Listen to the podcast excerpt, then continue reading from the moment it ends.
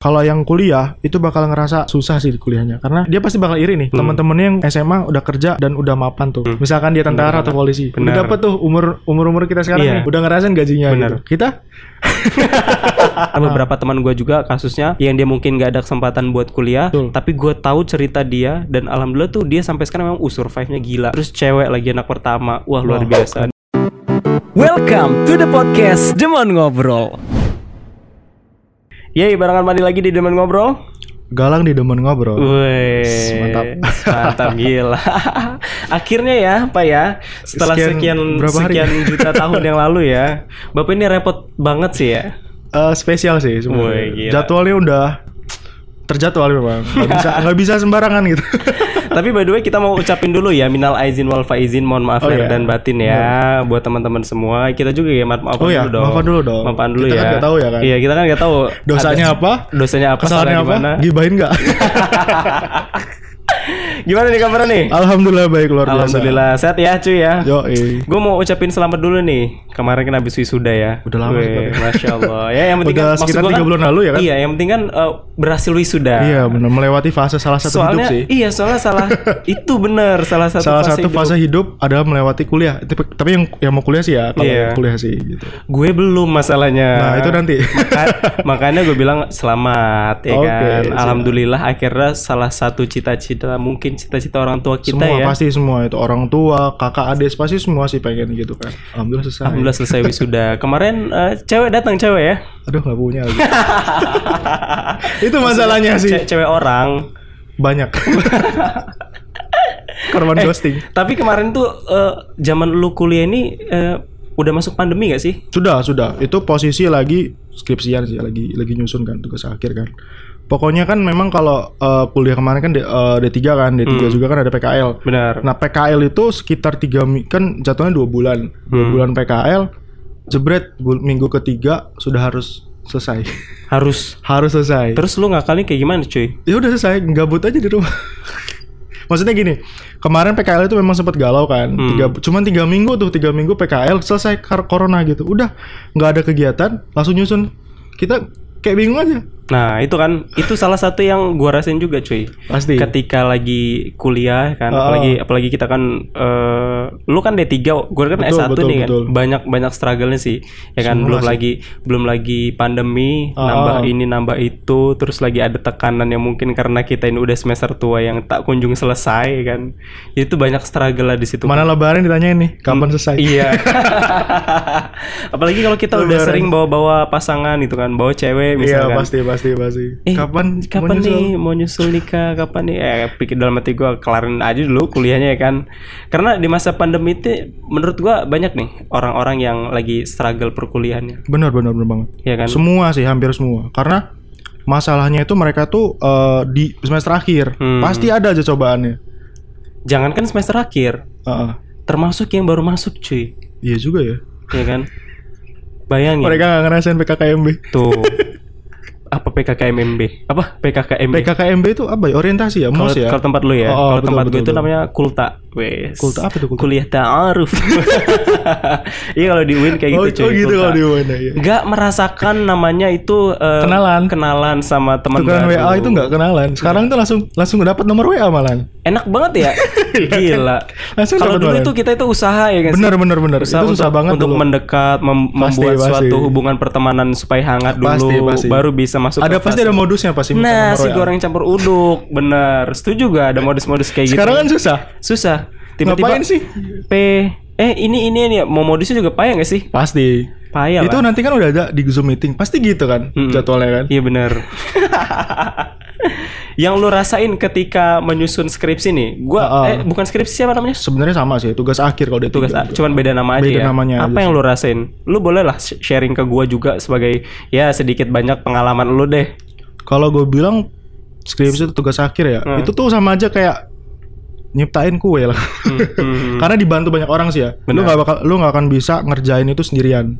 Iya. Pasti butuh banyak support orang, orang tua segala macam itu pasti dibantu. Hmm. Dan gue tuh ngerasa bersyukur juga kemarin eh, sempat sekitar tiga bulan abis seminar itu gue tinggalin Ngapain lu? main. nggak maksudnya nggak nggak ini aja nggak- dulu ya? Iya kita nggak nggak ini karena ngerasa kayak ya udah selesai udah selesai gitu karena bingung kan satu wisuda di pandemi itu bingung mau ngapain karena cuman sebatas ngemindahin toga kan Hmm. mindahin toga dan itu setelah lu wisuda maksudnya gini kalau masih masih kuliah kan status lu masih mahasiswa nih Benar. tapi ketika wisuda lu status pengangguran Iya, beban Iya kan? moral. beban moral ya kan Bener-bener beban moral. bingung jadinya Malah makanya tambah ya kan? makanya ya fase-fase itu yang bakal orang ngerasa bingung sih mau ngapain pastinya kan Hmm. dia tuh eh, memicu kreativitasnya di situ yang akhirnya semua orang tuh di situ yang eh gue mau viral lah gitu gue Iya. mau inilah pasti kan tuh kan Bener-bener. dia dia bingung nih mau ngapain kegiatannya pasti itu pasti Iya. itu Iya bener.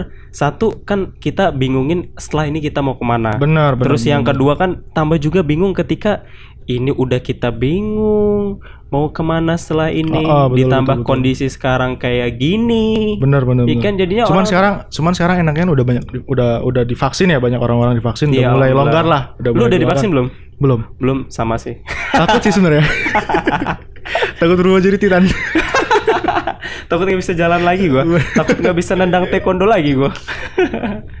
Tapi ya ya itulah ketakutan kita sih ya. iya benar benar mungkin juga mungkin menurut gua kayak eh, pemerintah itu kan mungkin aja ya Iya, kan betul. nggak nggak sembarangan kan Benar, ngasih benar, vaksin benar. itu kan karena kan udah banyak berbagai riset gitu Oh, kan oh, oh, tapi kita kan sebagai manusia itu kan tipikal manusia itu kan berbeda ya benar benar satu orang dengan satu orang satu orang dengan yang lain itu kan tipikalnya berbeda Oh, oh, berbeda oh. pikiran juga berbeda pola hidup berbeda mungkin imunitas tubuh Betul, betul, betul. dan itu yang kita nggak bisa tahu apa Benar, benar, efeknya ketika kita dikasih vaksin sama aja kayak gini sih eh kalau gue sih baru pertama kali donor darah sih waktu itu ya Mm-mm. Jadi kan mbak nggak nggak semua orang tuh mau donor darah nggak sih? benar benar Ya kan? setuju setuju Bagi gue vaksin itu sama aja kayak lo tuh mau donor darah nggak gitu? Ah, Maksudnya konsepnya gitu ya? iya iya Lo berani nggak? disuntik benar, gitu? benar, benar. Bener nggak? Nah setuju. masalahnya kalau mulai kalau mau vaksin oke lah ya kan. Iya. Cuman sekarang itu kan kondisinya kalau kalau mau donor darah itu aja takut gitu. Benar, Apalagi mau benar. divaksin. benar benar benar iya benar benar Bener kan? Iya, kayak kayak pertama kali gue juga waktu pas donor darah kata gue, ih kan ditanya tuh Iya. sama sama dokternya ya, Heeh. kamu udah pernah donor darah belum sebelumnya? Gue bilang Heeh. Belum pak. Oh yaudah nggak usah ngeliat jarumnya ya, nanti kamu gak jadi donor katanya. Nanti aja kalau udah jarumnya nancep katanya, boleh dilihat deh jarumnya. Oh yaudah, akhirnya gue memberanikan diri, gue tangan gue gini set, udah, udah, kulit gila jarumnya cu, Panjang. segede pena. Panjang. Gila kata gue Iya bener kata gue Psikologis gue terganggu kalau Bener bener. jarumnya itu Itu gue pernah pertama kali itu donor. Itu posisi lagi pandemi sih tahun lalu sekitar bulan apa ya bulan Juni kayaknya. Itu ada ada orang minta donor darah gitu. kan. Hmm. Golongan darah gue O. Kebetulan gitu kan. sama. Kebetulan sama kan. Dan itu pertama kalinya kan lagi pandemi kan. Harus Iya. pakai masker kan. Bener. Nah itu salahnya selama diambil darahnya gue pakai masker. Mm-mm. Jadi kapan udah selesai, gue langsung bilang Mbak, kok sesek ya? Kok Hmm. pusing ya? Gue baru sadar masker nempel. jadi kan namanya oksigen kan muter Oh, kan. iya benar. Jadinya jadi apa ya? Harus ini langsung ya Harus harus seimbang ya bener bener jadi langsung mbaknya bilang, Mas itu masker aja nggak dilepas. Ya saya mau mati protokol mas. Balik lagi Takut ke- itu waktu itu. Balik lagi Kita ngomongin soal fase-fase akhir perkuliahan Ya kan Banyak yang struggle kita bilang betul tadi betul betul. Eh, karena salah satunya kita bingung memikirkan masa depan ke mana, terus juga kayak eh, kondisi sekarang itu harus seperti apa. Kira-kira menurut eh, sudut pandang lu sih, ada nggak kayak sebenarnya kita ini harusnya kayak gimana? eh balik lagi ya, maksudnya bingungnya ini gimana dulu sih? Kalau masa kuliah tuh kan lu punya pengalaman banyak nih, Hmm. kegiatan apa segala macam, terus jebret mahasiswa akhir harus mikirin skripsi, harus mikirin judul, data Hmm. belum dapat. Benar. Itu yang buat orang langsung langsung uh, fokusnya itu beralih ke skripsi. Makanya selama skripsinya itu dia nunda semua gitu loh. Maksudnya nggak punya teman segala macam. Akhirnya fokusnya ke situ kan Hmm. sampai akhirnya dia baru sadar kalau menurut gue sih ya baru sadar kalau eh, dia itu harusnya justru di masa-masa dia skripsian itu Hmm. harusnya dia harus banyakin kawan menurut gue sih ya harus banyakin main harus banyakin kawan karena di masa-masa itu yang lu itu harus cari ide. Karena namanya skripsi ya menurut gue ya lu udah selesai ya udah. Wah hero-hero apa? Hura-hura. hura-hura doang selesai kan? Hmm. tapi kalau menurut gue sih ya sebelum lu wisuda atau sebelum lu seminar itu ada kans ada ada apa ya bahasanya ada kom, silaturahmi lah ya bahasanya. Ketemu orang eh gue mau ngapain habis ini kegiatan apa? gitu. Ya nggak sih? Iya. Jadi ada kegiatan apa sih mau ngapain? Jadi selama selama skripsian itu nggak melo nggak apa ya nggak melulu masalah skripsian aja menurut gua sih ya. Tapi harus memikirkan harus pasca. ada betul harus ada kegiatan karena sosialisasi bro kan namanya kuliah itu nggak cuman teori doang lah dong Benar, ya kan benar. jadi selama kuliah itu harus kegiatan apa ya minimal bantuin orang tua lah di rumah bantuin bersih bersih lah palingan ikut Ar- Karang Taruna ya Iya. gitu palingan gitu Kalau lu tipikal yang mana? Yang ama- ama- yang apa Yang itu dari yang lu ceritain tadi. karena dulu sih ya kemarin itu sempet apa ya stuck lah ya nyusun Hmm. tuh pasti stuck kan itu gue malah kayak ngikut kegiatan segala macam kayak kita nggak tahun lalu ya ada donasi kita ikutin bareng terus diajakin kawan itu kayak apa ya freelance lah bahasanya Ah, ah, ah. ngumpulin ngikutin kawan kerja sampingan gitu sampai ke Liwa itu sekitar dua minggu itu ya ikutin kayak gitu aja kegiatan-kegiatan kalau kalau di S1 atau apa itu namanya magang ya Nah. atau ngap- ngapain lah Iya, bahasa iya, lupa itu intinya cari kegiatan sih selama Hmm. skripsi itu jangan jangan monolog ngurusin skripsi gitu karena nanti satu lo bakalan berhadapan sama dosen yang Hmm. janjian tanggal jam segini ya Hmm. oh, maaf eh maaf nah nggak bisa bapak lagi sibuk Iya. pasti sakit hati Bener, bener. Itu Pasti itu pun itu, yang pasti gua sakit hati itu pun itu. yang gua rasain cuy. Terus ganti jadwal ya, terus kalau kalau gue nih ya, kalau Hmm. gue adalah tipikal orangnya kadang suka nggak nyambung dalam hidup gue ya. Gue ngerasa Oh. kok hidup gue ini kayaknya nggak nyambung cuy. Hmm, Gue kan eh, untuk informasi aja nih, gue tuh kan kuliah jurusannya hukum ya. betul betul Hukum yang di UIN tuh namanya hukum keluarga Islam, hukum keluarga Islam yang notabene-nya adalah ngurusin tentang eh, perkara rumah tangga, perkua- perkara keluarga dalam perspektif hub- hubungan eh, suami istri dalam Islam gitu ya. Iya, iya. Tapi kegiatan-kegiatan yang gue ikutin, kegiatan-kegiatan yang gue jalanin, kegiatan-kegiatan banyak yang gue pelajarin di luar itu yang nggak nyambung. Jadi ketika gue menyusun skripsi, gue sedikit kesulitan. Karena apa? Gue nggak ada jalur untuk ke- referensinya referensi, cuy. oh ya betul betul betul Satu, gue ini tipikal orang yang kupu-kupu. Kuliah Hmm. pulang, kuliah pulang. Karena gue ngerasa kayak eh, teman gue di kampus kok apa ya? Entah gue nggak bisa nyalain temen gue sih. Iya benar benar entah guanya mungkin gak nyambung dengan dengan gaya-gaya pertemanan mereka. Beda frekuensi. Beda frekuensi mungkin entah mungkin mereka ngelihat guanya kayak gimana. Benar, nggak ngerti ya jadi tapi yang balik penting. lagi ke skripsi tadi ya gua ngerasa kesulitan karena gua kadang suka menanya temen tuh ya teman kadang suka acu tak acu tapi ada beberapa temen yang mau ngomong gua. Mm-mm, dan memang itu cukup cukup dekat juga dengan gua temen itu. Pasti. Gua punya istilahnya temen dekingan lah ya di antara harus, teman harus kan, ada itu. kan banyak tuh ya temennya kan. itu. karena kan nggak semuanya bisa Harus bener-bener bisa bener. support kita sih ya. Bener. gue punya ada satu cewek akhirnya dia bisa mau ngebantuin gue walaupun ya dia sekarang udah kerja jadi dikit-dikit lah. Kadang kalau dia dia dia punya waktu gue sharing ke dia kayak gimana. Karena kan belajar dari pengalaman dia juga kan. Dulu dia skripsi kayak gimana gue juga harus ngikutin gitu kan. Yang lu bilang tadi Bener, kita nggak bisa sendirian. Karena gue ngerasa betul. sendirian paiban cuy. Karena gini cuy, eh, bagi gue ya karena dari zaman maba sampai mahasiswa akhir itu temen tuh bisa banyak di Banyak, awal, bisa banyak banget. Tapi nanti fasenya lo bakal ngelewatin fase di mana temen itu bakal hitungan jari. gue ngerasain banget tuh Itu di mahasiswa akhir. Benar. itu pasti itu. Kok teman-teman gue ke mana ya? itu pasti itu.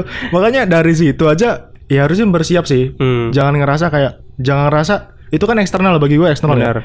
Lu itu fokus lu cuman masalah skripsi lu. Hmm. Lu nggak usah mikir, ih gue nanti sidang gak ada temennya lagi datang. Mhm. Ya sudah biarin aja. biarin aja ya biarin aja. Nggak apa-apa ya. Satu, cari teman, cari teman yang memang ngebangun lu, yang Ah. ngebangun skripsi lu segala macam sampai akhirnya lu bisa selesai. Itu Iya. aja itu teman yang benar-benar teman tuh. Tapi kita maksud gue kayak gini ya, disclaimer dulu ya. Kita ngobrolin kayak gini bukan berarti kita tuh nyalain teman kita ya. Bener-bener Bener ya? Bukan salah berarti, teman. uh, bukan bukan. Bukan berarti kita nyalain teman kita, ki- teman kita itu tipikal orang gini-gini enggak. Bukan. Tapi kan kita ngobrol kayak gini ya gue juga sadar gue gue seperti apa di luar Iya, sana orang-orang lain menyikapi gue seperti apa mungkin yang lu bilang tadi ada beberapa teman yang nggak sefrekuensi sama gue Iya, itu Kan? tuh fase itu. itu, fase. Seleksi alam. ya, seleksi alam benar setuju apalagi kan sekarang udah makin tua ya udah makin bertambah Iya sih. umur ding sebenarnya bukan tua ya Eh, fase pertemanan semakin menipis ya kan apalagi udah mulai mau masuk dunia pekerjaan Asli, asli. Itu kerasa sih.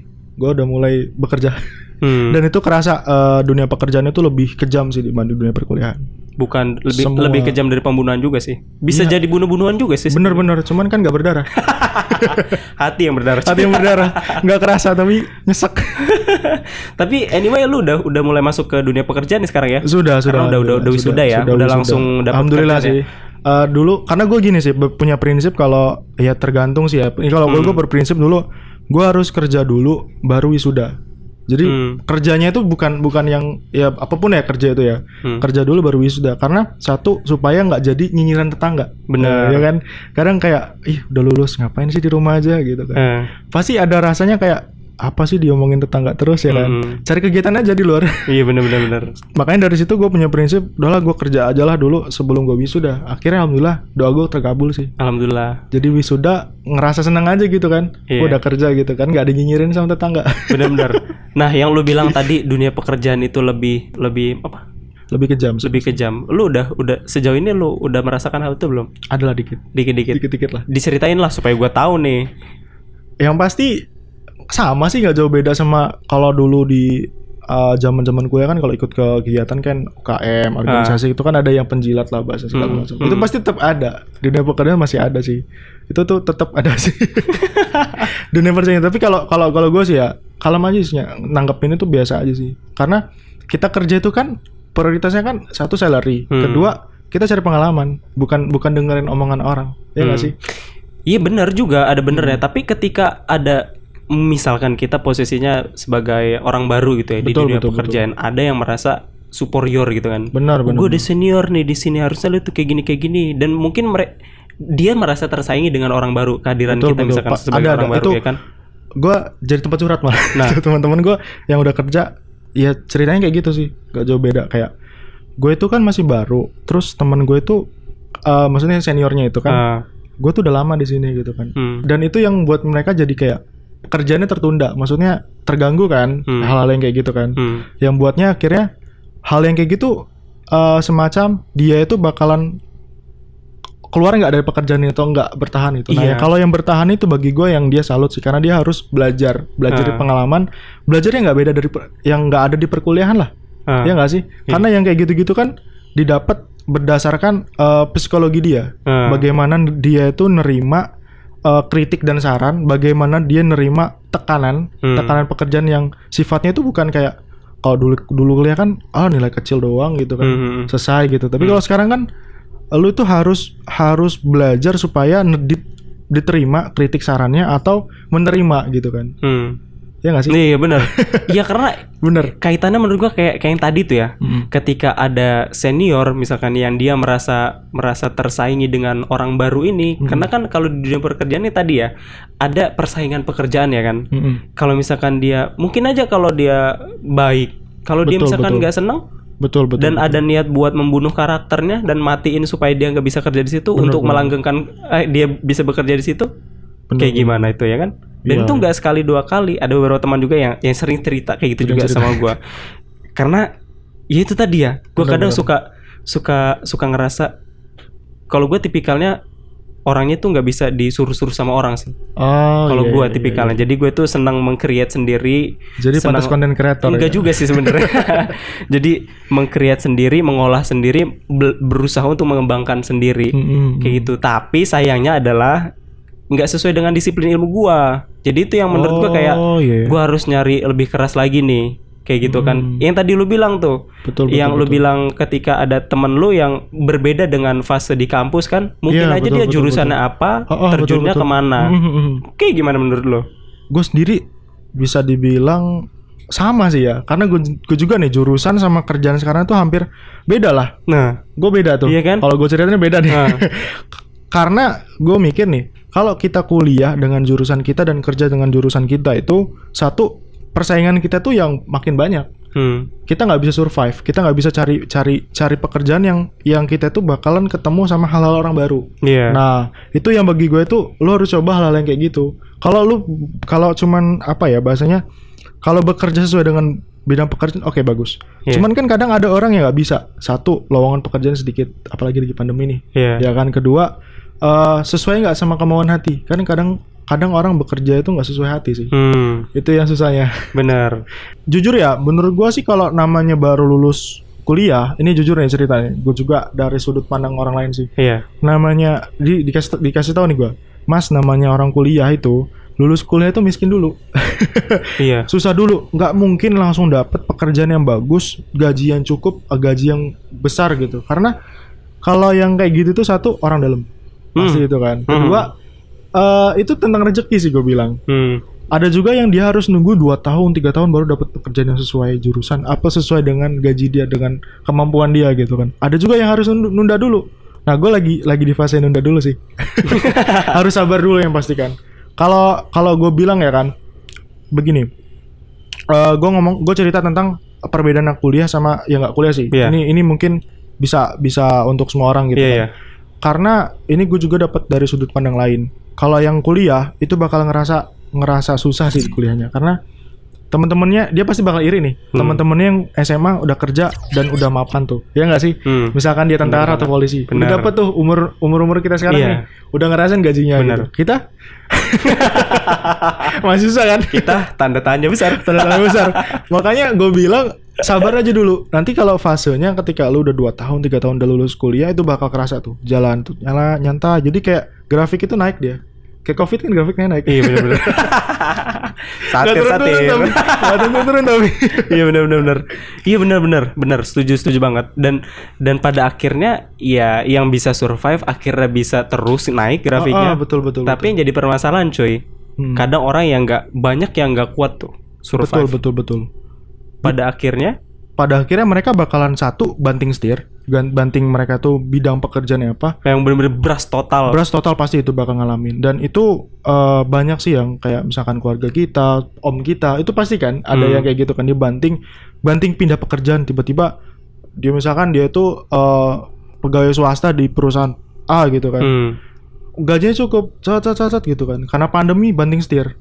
Akhirnya jualan yang seadanya gitu ya nggak sih? Iya benar. Pasti kerasa Banyak karena sih. karena dia nggak bisa survive Nah, dia nggak mulai kayak misalkan dalam satu tahun ini kalau gue sih ya dalam satu tahun ini gue mau ngelakuin hal apa nih satu tahun ini dari situ kan kayak grafik akhirnya kan muncul tuh grafik kita bakal tahu oh eh, kalau kita ingat-ingat dulu dua tahun tiga tahun lalu kita tuh masih ih gini amat gitu kan tapi Hmm. sekarang kita ngerasain nih perubahan perubahan itu Benar. itu karena kita sudah memuai targetnya dalam setahun itu kita mau ngapain itu bagi gue harus sih harus dipunya sih eh supaya lu tuh hidup bisa survive.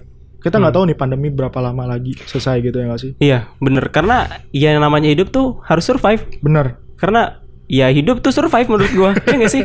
bener lah. Kayak kita dari kita dari rahim aja ya cerita-cerita Ah. dari dari ya menurut kesehatan kan ketika kita sebelum lahir kan Hmm. kita harus berjuang dulu dengan jutaan sel lainnya kan survive ya. kita kan Bener-bener Di- itu di gua rahim- ngalahin saudara ya kan? saudara gua berarti. di rahim ibu ya kan dengan galang-galang yang lainnya iya iya.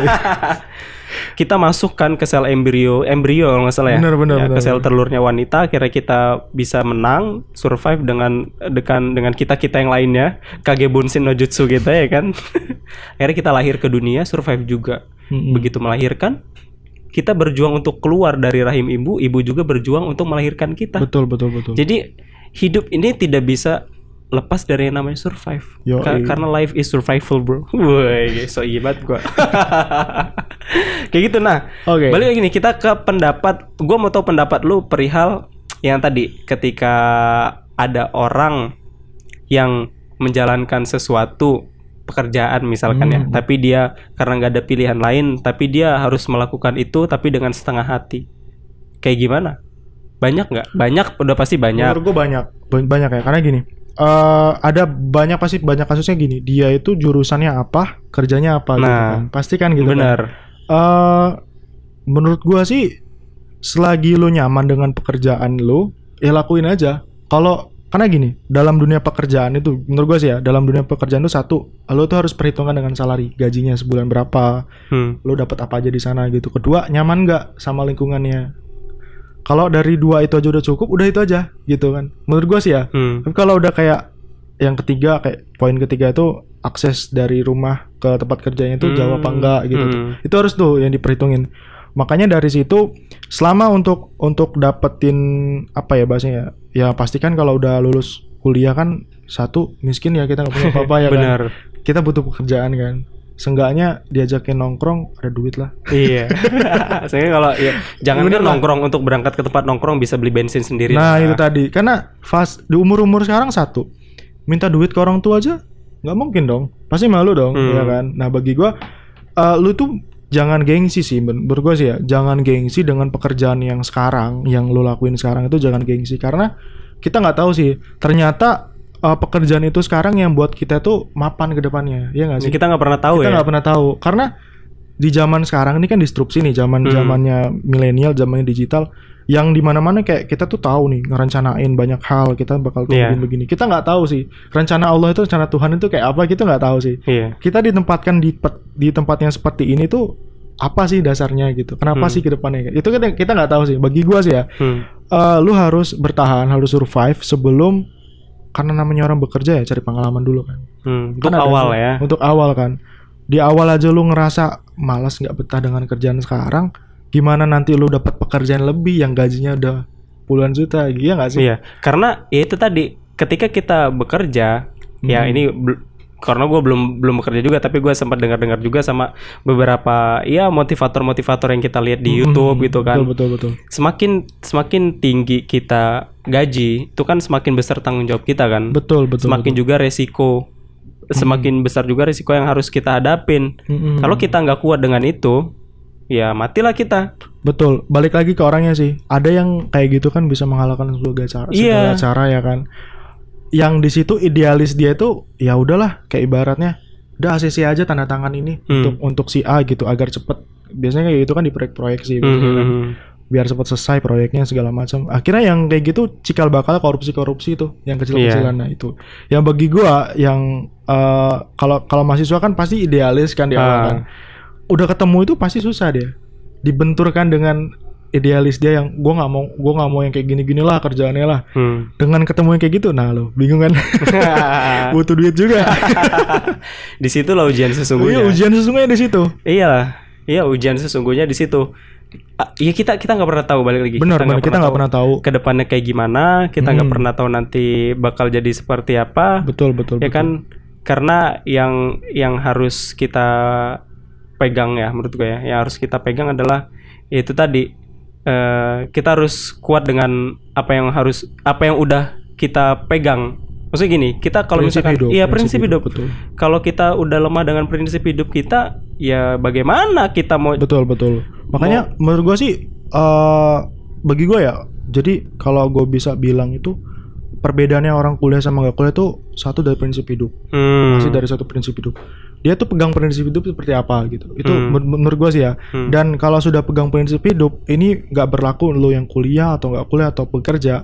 Kalau lo nggak bisa megang prinsip hidup lo, ya lo bakalan ngikutin arus. Iya maksud gua kayak prinsip hidup bisa mungkin semua orang punya tapi Betul, kan betul, seberapa teguh dia punya Iya, dia betul. dia bisa Ah, megang gitu betul, kan betul. itu yang bedain ya apa ya orang kuliah atau enggak kuliah Mhm. tapi ada juga ya kayak orang yang enggak kuliah dia pengalaman hidup pengalaman hidupnya udah campur aduk Betul betul. kan betul. udah udah banyak lah gitu pengalaman hidup dia akhirnya dia bisa bisa megang untuk prinsip hidupnya ah gua harus kayak gini nih dan gua harus kuat itu ada juga karena Nah. beberapa teman gua juga kasusnya yang dia mungkin nggak ada kesempatan buat kuliah Betul. tapi gue tahu cerita dia dan alhamdulillah tuh dia sampai sekarang memang uh, survive-nya gila terus cewek lagi anak pertama wah luar Wah, biasa dan banget. dan dia bisa bisa sampai sekarang itu kayak gue proud ya sama dia ya. Dia akhirnya bisa bisa membanggakan kedua orang tuanya.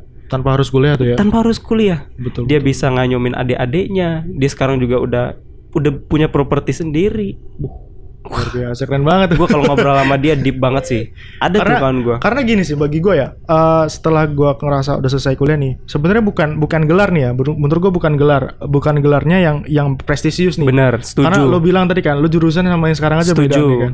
Bagi gue setelah ngal- kita dulu pasti ngerasa, oh gue pengen kuliah begini-begini, tapi di akhir-akhirnya akhirnya lo sadar, kuliah itu sebagai sebagai tempat lo cuma belajar. hmm. Setelahnya lu bakal ngadepin kehidupan yang yang pada akhirnya lu bakal tahu kehidupan sesungguhnya seperti apa. Dan Setuju. itu nggak berlaku sampai sama orang yang kuliahan gitu kan. Setuju, bener. Karena satu lagi yang kalau kayak lu kayak lu bilang tadi adalah perbedaan yang kuliah sama nggak kuliah ya. Tadi Betul, bilang kan, betul, betul. eh, prinsip hidup. Mm-mm. Terus yang kedua, gue bilangnya itu daya analisis. Nah, iya betul. Orang yang kuliah sama yang nggak kuliah itu daya analisisnya itu menurut gue beda banget. Pasti beda dan gue ngerasa perbedaan gue yang SMA sama sekarang itu Iya. pasti beda. Daya Dan gue analisisnya gue beda. nggak eh, apa ya satir ya nggak satir nggak ngomongnya kayak ah daya analisa SMA nggak Mm-mm. begini gitu. Nggak nggak juga. Bedanya bedanya mereka tuh di mereka kerja nih misalkan ya. Hmm. Mereka tuh dengan keadaan itu dan mereka jadi jadi survive-nya di dunia pekerjaan itu Iya. gitu. Kalau kita kan dimomong sama dosen kita ya kan, dapat studi kasusnya seperti ini, akhirnya kita baru sadar nih. Tapi kan itu sebagai teori. Hmm. Setelahnya baru kita tahu nih, oh ternyata begini ya dosen ngajarin ya. Iya. gitu. Akhirnya kan ada ada yang harus kita pikirin kan. Bener bener bener bener. Oh, ternyata kayak gini ya. Dunia kerja susah bro. Ternyata harus kayak gini ya kan. Bener, Ternyata bener, ternyata ternyata semua ya kan. Bener bener. Ternyata semua. Jadi nggak jadi kalau bisa dibilang lu dapat nilai A itu ketika dunia kerja tuh belum tentu. Belum tentu. Belum tentu lu bakal bisa berhasil gitu kan. Benar. Ya. Ya kayak gitu sih. Pada akhirnya juga ternyata ya kan. Hmm. Ternyata kita sudah masuk ke menit yang akhir. Oh iya juga. Aduh, malah seru ya padahal. Seru padahal kalau kita ngobrolin soal struggle-struggle kayak gini ya kita pasti ngobrolin. pasti. Kita Apalagi ngobrolin satu tentang- pandemi, Hmm. ya kan. Semua pekerjaan juga susah gitu. Terus juga yang masih kuliah juga mau ngapain ya Iya. kan. Banyak lowongan pekerjaan sedikit. Terus nih kalau yang PNS nih mendaftar PNS, PNS juga lagi bingung nih. Iya. Lagi bukan apa enggak? Iya bener. Orang tua nyuruh udah kamu daftar PNS aja gitu. Soalnya ada beberapa eh, menurut gua kayak eh, daya pikir kolot ya. Benar, yang, benar, benar. yang mengharuskan definisi sukses itu harus jadi Nah. ini harus Kalau- jadi itu. Maksudnya kayak harus jadi PNS gitu-gitu Iya, ya. iya, itu masih benar. ada sih Masih ada sekarang nggak akan bisa berubah. dan nggak nggak nggak nggak bakal nggak akan bisa berubah ya. bener bener kalau gue sih gini ya kalau gue ya ah, memang memang orang tua gue bilang kan udah kamu daftar PNS aja PNS, Hmm. PNS aja gitu kan cuman bagi gue tuh karena gue sekarang bidang pekerjaan yang kreatif eh, di bidang desain segala Hmm. macam di bidang konten kreator juga sih gue Hmm. ngurusin di perusahaan itu gue ngurusin jadi konten kreatornya Hmm. bagi gue itu eh PNS nggak PNS itu atau lolos nggak lolos ya Iya. bagi gue itu bonus sih Bonus, pada bonus akhirnya dari- nanti ya. ah, pada akhirnya karena bagi gua lu bekerja itu sesuai hati nggak sesuai dengan kemampuan lu nggak kalau Hmm. misalkan kemampuan lu bisa ke sana berarti memang Allah itu nakdirin Tuhan itu menakdirkan lu tuh jalan di sana tapi Hmm. kalau nggak ke sana ya udah jangan stres karena ada banyak kasus yang Hmm. dia itu nggak bisa daftar PNS stres berkali-kali ya nggak sih karena sekarang zamannya cepat viral Iya, bener. iya bener tadi memaksakan, memaksakan kehendak tapi tidak sesuai dengan kemampuan. betul betul betul Dia betul akan menghalalkan segala Bener, cara. bener, bener, bener. Pada akhirnya dia gagal dan drop down Banget, banget, segila-gilanya. Itu ti, isi- i- i- itu ti, itu ti, itu sih tadi yang gue bilang tadi. Ini gue dapat banget nih kalimat lu terakhir. Yang penting eh, lu ke- bekerja dengan sesuai passion lo iya satu dan dan bisa bisa ada profit ya di sana. jadi begini Nyaman. Gua gua gua tarik lagi. Hmm. Bukan bukan berarti lu bekerja sesuai passion ya. Nah, Satu lu bekerja sesuai dengan kemampuan. Ya, Satu. Nggak kemampuan. mungkin kan? Nggak mungkin kita sesuai passion. Hmm. Kalau passion lu sendiri aja nggak bisa gini. Passion lu itu kalau nggak bisa menghasilkan buat apa? gitu iya kan. benar Satu. benar benar. Cari sesuatu yang memang bisa kemampuan lu dan Iya. itu kemampuan itu lu bisa bisa menghasilkan baru. Iya. Lanjutin aja gitu. Iya, iya benar tadi maksud gua kayak kemampuan gitu. Betul, bukan kalau takutnya passion salah tangkap aja. Iya benar-benar. Jadi kalau lu kerja nggak mampu, ngapain lu kerjain? Bener-bener itu banget itu. Iya kan? Akhirnya ngejoki, oh, ngejoki dengan orang, ya kita cuma cuma numpang nama doang. Eh, gua kerja di sini nih, tapi lu nggak ada kemampuan yang bisa lu kerjain ya kan? Itu lu nggak mampu. itu pasti zaman kuliah. Iya. Tugas-tugas besar tuh. Kayak gitu. Jadi bekerjalah sesuai kemampuan. Benar, benar, Terutama eh, ter- akan lebih bagus lagi kemampuan lu itu bisa menghasilkan sesuatu yang bisa buat lu hidup. Ya, dan jangan pernah ber- berhenti belajar sih. Karena belajar itu kan nggak cuman sesuai buku ya. Hmm. Lu belajar ngobrol segala macam tuh kayak ya lu udah belajar gitu. Dan itu tadi jangan pernah berhenti belajar, terus belajar. Iya. Gitu aja. Sip. Thank you banget, Bro. Yoi. Udah mau sharing di sini, udah mau Lebaran-lebaran ngobrol ya di kan? sini, lebaran-lebaran di sini ya. Eh, Apa, mudah-mudahan halal ya? halal bihalal. Mudah-mudahan nanti ketika ad- lu ada waktu lagi, ada waktu kosong lagi kita Siap, bisa siap, sharing siap. di sini ya. Bener bener. Gua menunggu kehadiran lu selanjutnya eh, untuk tahu cerita-cerita lu nanti pasca udah cukup lama di dunia pekerjaan. Kayak butuh waktu sih. Iya. siap, thank you banget. Oke, teman-teman udah nonton sampai habis. Buat teman-teman yang udah stay tune sampai habis, gue ucapin makasih banget Eh, dan sampai ketemu di episode Demen Ngobrol selanjutnya. Bye bye. Thank you semuanya.